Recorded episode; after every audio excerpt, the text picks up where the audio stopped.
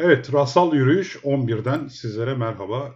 30 dakikalık bir önceki bölümün ardından bugün zaman limitlerimize uyabileceğimiz bir bölüm olmasını arzu ediyoruz hep birlikte. Evet. evet. Uzun eşekten simülasyon teorisine. Hakikaten ya. Evet, evet. Havada kaldı ama bu havada kalmışlığını da seviyorum ya. evet. Evet, ben seçiyorum kelimemi. Oluş. Ayda. Hadi bakalım. Komutan. Komutan oluş. Hmm. Güzel. Nasıl komutan olunur? evet yani. Bana komutan oluş hikayeni anlatır mısın Tevfik? Komutan oluş hikayemi. Peki Nasıl ben kendi komutan oluş hikayemden bahsedeyim. Ben lisede, üniversitede özellikle de böyle üniversitede bir kendi açımdan varoluşsal bir kriz yaşamıştım. Bizim gibi herhalde sanatla ilgilenen insanların bir noktada yaşayacağı bir şeydir diye tahmin ediyorum.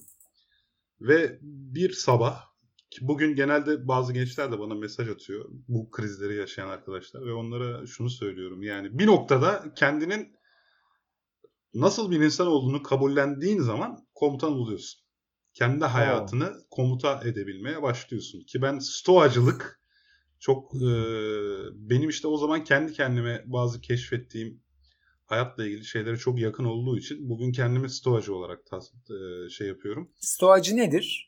Abi stoacının en azından bununla ilgili temel prensibini söyleyeyim. Stoacı nedir cevabını vermek kolay değil bence ama sen diyor sadece bu hayatta kendi düşüncelerini kontrol edebilirsin. Çevrendeki hmm. akışın çoğuna müdahale edemiyorsun. Ama bunlar hakkında ne hissedeceğini kontrol edebilirsin.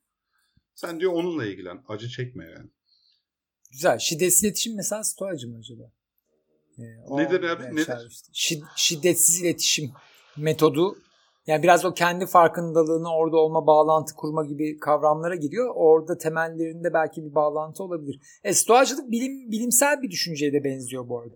Benziyor. Yani şöyle tabii stoacıların ee, evet evet genelde bilimle uğraşan insanlar stoacılığı ve epikürcülüğü kendine yakın bulurlar. Stoacılıkta bir de şey vardır. Bu belki biraz tabii bilime aykırı olarak gör, görenler var ama bence değil. Ee, her şeyin doğasını insanların da doğasını kabul etmek. Ya mesela ben trafikteyken hiçbir zaman strese girmiyorum. Minibüs falan gelip beni sıkıştırırsa ya da garip hareketler yaparsa bunu minibüsçülüğün doğası olarak görüyorum çünkü.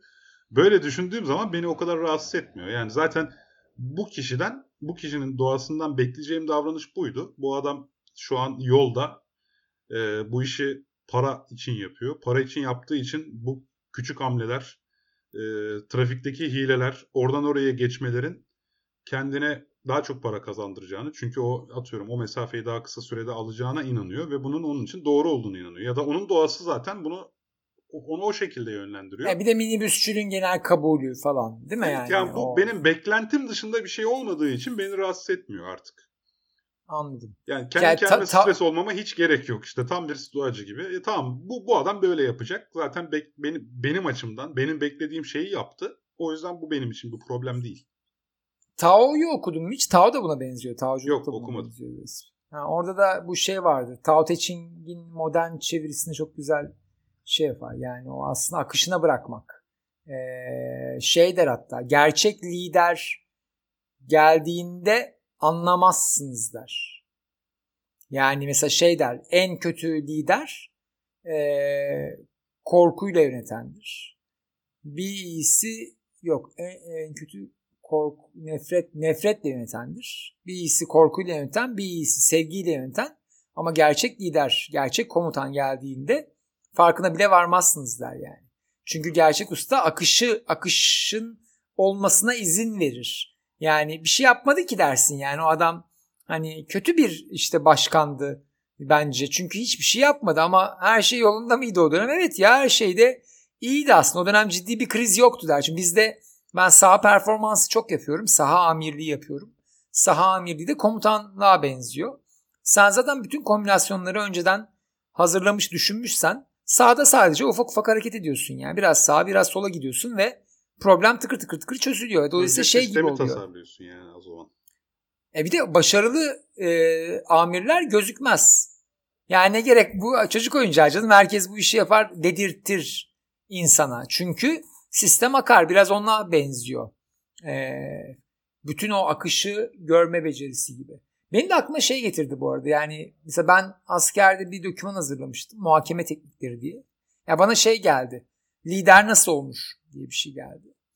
Ben de orada muhakeme üzerinden bunu anlatmıştım. Yani hakimiyet, hakim olma, anlama, e, bir problemi muhakeme edebilme falan gibi. Bunun basamaklarını çıkarmıştım. Şimdi bu şeyden daha farklı. Yani bir problem var. Çünkü komutanda biraz öyle bir şey var. Yani komutansan başkalarının sorumluluğunu alıyorsun ya. Kendinin komutanı olmayı tanımladın sen. Aslında biraz. Başkalarının komutanı olmakta nasıl olur o? Bilmiyorum. Yani komutanı olmamak anlamlı olabilir stoğacılığa göre. Başkalarının ya komutanı olamazsın zaten. O kadar zaten etrafa ama. müdahale etme e, kendi kabuğuna çekil falan şey değil ama. Yani stoacı değil mesela mi? adaleti tesis etmeyi kendine görev biçebilir. Yani dünyanın daha adaletli bir yer olması için çalışmayı öğütler stoacı. Ha bu ilginç mesela. Nasıl o zaman akış yani minibüs şoförüne o zaman kızman gerekmiyor mu abi? Hayır şimdi minibüs şoförü kendi doğasının gereğini yerine getiriyor ama bir başkasına zulüm ediyor olursa o an yani bir başkasına ama onun doğası olursa diğerine buna karşı çıkmak, ediyor. Karşı çıkmakta bir beis yok yani. Stoacılık şey değil. Şekil kenara değil yani. Tamam o zaman şöyle diyelim. Bulunduğun yerden ve başına gelen vakadan dolayı çıkma değil, sistemdeki bir gerçeklik üzerinden çıkma gibi. Yani okey bu minibüs şoförünün yaptığı değil ama genelde minibüs şoförlerinin yaptığı şey stres ve uyumsuzluk yaratıyor. O yüzden ben genelde bununla ilgili bir çözümleme yapmam lazım. Tabii Mesela tabii. Atıyorum. Ya işte orada yanlış örnekten girdim. E, stoacılıkta diyor ki yani bunlara sinir olup kendini yemene gerek yok. Ha tamam okey. Sen bunu zaten kontrol edemezsin. Ama düşüncelerini kontrol edebilirsin. Böyle düşünerek kendini rahatlatabilirsin diyor. Ama bu şey demek değil. Bununla ilgili hiçbir şey yapma demek değil yani. Nihilizmle gitmiyor yani. Okey ya, anladım anladım. Hani şey yani daha e, dürüst yaklaş diyor aslında. Yani ne olabileceğini, ne müdahale edebileceğini gör. Yani biraz kendini de gözlemleme becerisini arttırıyor mesela. Kendine de böyle bakabilirsin çünkü ya vücuduna, tepkilerine. Mesela ben bu aralar yaşıyorum. Mesela ani sinirlenme yaşadım son bir haftada 2-3 kez. Ve böyle kendime baktım ne oluyor ya bu, bu, bu niye böyle bu davranıyor yani bu karakterin ne sorunu var? Ya ben psikoterapi mi alsam işte birileri bir şey eksik sokakta mı yürüsem dün gece çıktım işte 2 saat yürüdüm. Mesela yani bir şey mi eksik bakıyorum çünkü ne var yani nasıl rahatlayacak falan. Ee, bu biraz ona benziyor gibi dışarıdan görebilme ve e, onun var olmasına izin verme. Onunla ilgili durumu arama falan gibi hisler yarattı bende. Evet, evet. Bu muhakemede şey vardı. E, onu anlatayım sana. İlginçtir o. İlk basamak şey diyor. Problemi çözmek istemen gerekiyor diyor. Şimdi çok ilginç mesela. Çoğu e, başarılı insan bunu bilmez. Çünkü zaten onlar problemi çözmeye doğuştan motivelerdir yani. Hani aksini düşünemezler bile. Halbuki çoğu insan problem çözmeye motive değildir. Yani onları motive etmek için ödül vermen gerekir, ceza yaratman gerekir. Problemi kişisel yani kendi üzerine almasını sağlaman gerekir vesaire.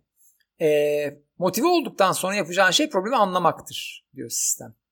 Yani problemi anlamak ne demek? İşte farklı problem tiplerini anlama. Yani karmaşıksa onu parçalara bölme, efendim işte orada sistemsel bir etki varsa ona bakma vesaire gibi.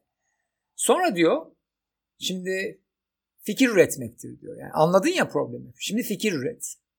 Ve fikir üretmek şeydir diyor yani. Böyle saçmalama süreci gibidir. Çok fikir üretmen lazım. Yani öyle az fikir falan üretilmez yani. Binlerce fikir üretmen gerekiyor. Ayrıntılı bir şekilde. Sonra diyor karar ver diyor. Yani fikirlerin risklerini analiz et ve hangisi olacağına karar ver diyor. Sonra karar verme tekniklerini gösteriyor. Yani nasıl risk analizi yapılır, hangisi uygundur vesaire. Sonra uygula, feedback falan filan diye gidiyor. Burada benim şey çok ilgimi çekmişti. Problem de orada komutanlıkta. Yani mesela motivasyon bir çocuk gibi. Anladın böyle aşık yani. Doğuştan aşık. Abi çözelim mi? Niye çözüyoruz bilmiyorum. Çözelim gibi bir şey.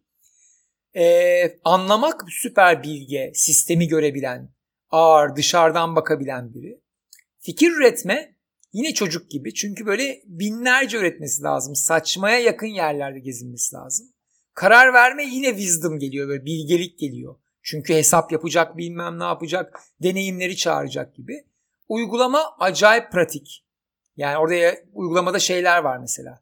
Yani paretoları uyguluyorsun hani nereden ne kadarını uygulayabilirim, hangisi ne kadar olur, öncelik sırası ne gibi bambaşka şeyler.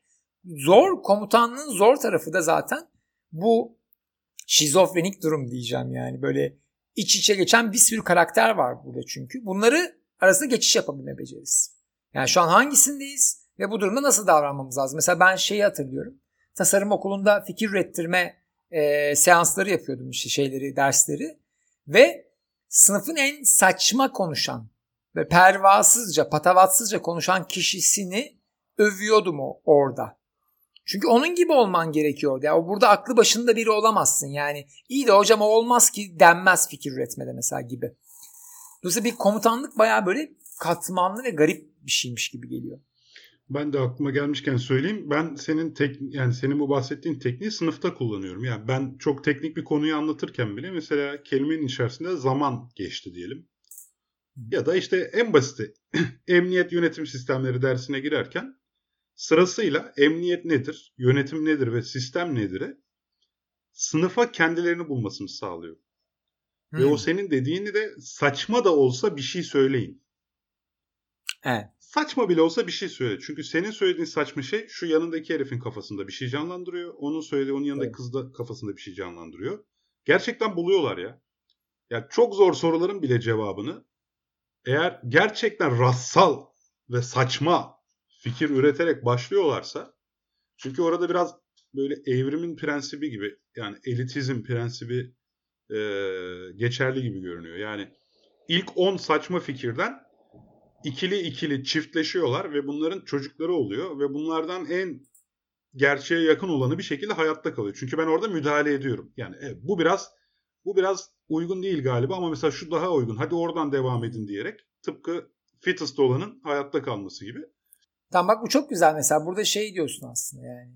E, deha, icat, mucit gibi karakterler aslında öyle aniden kafalarına fikir gelmesi de değil yeterince iterasyon yapıp farklı yüzeylere çarptırıp e, sonuçlarını den, anlayıp hangisinden gitmesi gerektiğini görebilen kişiler oluyor aslında. Dolayısıyla Genetik bizim o optimizasyon da aynı.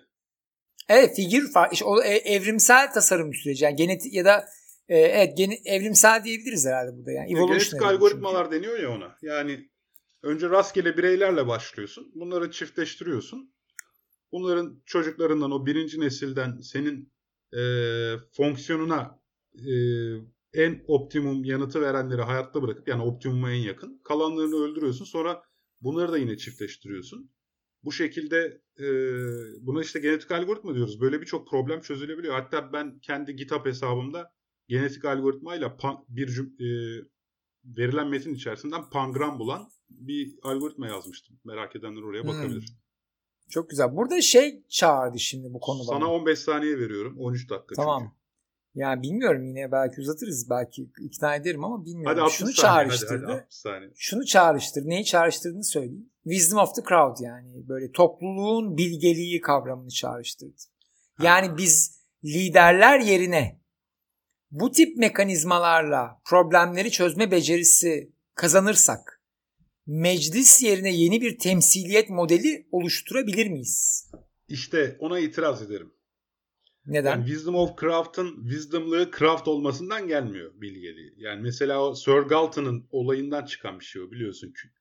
İneğin festivalde... Ha, yok yok dur dur. Tam o öyle. O örnek öyle. Ben sadece onu bir üst seviyeye taşıyorum. Diyorum ki o crowd'un yani o topluluğun etkileşim modellerinde problem tipine göre farklı algoritmalar, farklı metodlar kullanırsak her tür problem tipinin nasıl çarpışmalarla, nasıl genetik ilişkilerle çözülebileceğine dair bir e, bilgelik kazanabilir miyiz? Ve bu yüzden örnek veriyorum. Ha şöyle bir Covid gibi bir pandemiyi toplumsal olarak nasıl fikir üretebilirizin e, algoritmalarını çalıştırıp insanlara fikir ürettirtip tıkır tıkır uyuyor. Çünkü insanlar bunu yapıyorlar bu arada doğal olarak. Ama mekanizmaları oturtabiliriz. İşte orada liderlik lazım. Yani ben sınıfta arada evet bu daha yakın oldu diye eğer elemesem o sınıf sabaha kadar tartışsa doğru yanıtı bulamayabilir. Çünkü doğruluk fonksiyonu yani oradaki fonksiyon şu tamam. an adını denk getiremiyorum ya. Fitness function. Evet ha fitness function'ı yani birisinin onu vermesi lazım. Hmm. Ya mesela pandemi Fitness- hakkında nasıl önlemler alalım mı? Hiçbir doktorun bir şeyi olmadan tartışmaya ka- kalkışalım. Yani 500 kişi olsun. Hiçbirisinin tıbbi bilgisi yok. Buradan şeyi çıkaramazsın. Emin değilim. Haklı yani yeterince denemeyle çıkabilir ama zaman olmadığı için çıkması zor olabilir. Ama doktorlar var zaten. Ben onu reddetmiyorum ki. Ya ben toplumda ne varsa yine var. Ha, Sadece doğru, bunların doğru, evet, etkileşim modellerini değiştirme üzerine problem tipine göre etkileşim. Yani şunu diyorum aslında ya komutanın kodunu yazabilir miyiz diyorum yani. Hmm. Hani Genel Anladın geçer mı? bir teori oluşturabilir miyiz diyorsun aslında. Evet. Çünkü biz normalde ne yapıyoruz aslında? Senin mühendislik dediğin alan ne mesela? E atıyorum genel anlamda robot inşası, makine robot. Bu da ne demek? Aslında mavi yaka alternatifi değil mi? Yazılım dediğin ne? Beyaz yaka alternatifi yani aslında baktığında. Dolayısıyla ben diyorum ki hani direkt konuya girelim. Direkt komutanı kodlayalım yani. Çünkü artık yeterince çok kişiyiz, akıllıyız, deneyimliyiz falan filan. Komutanı kodlayabilir miyiz sorusu geliyor kafama ama burada durabiliriz bence yani bu soru Tamam evet burada büyük duralım. bir soru. Yoksa yeni bir seviyeye geç, geçeriz. Nasılsa bunları çağrıştıran başka kelimelerimiz olacaktır. Evet, Evet, herkese aynen. sevgiler o zaman. Haydi bay bay.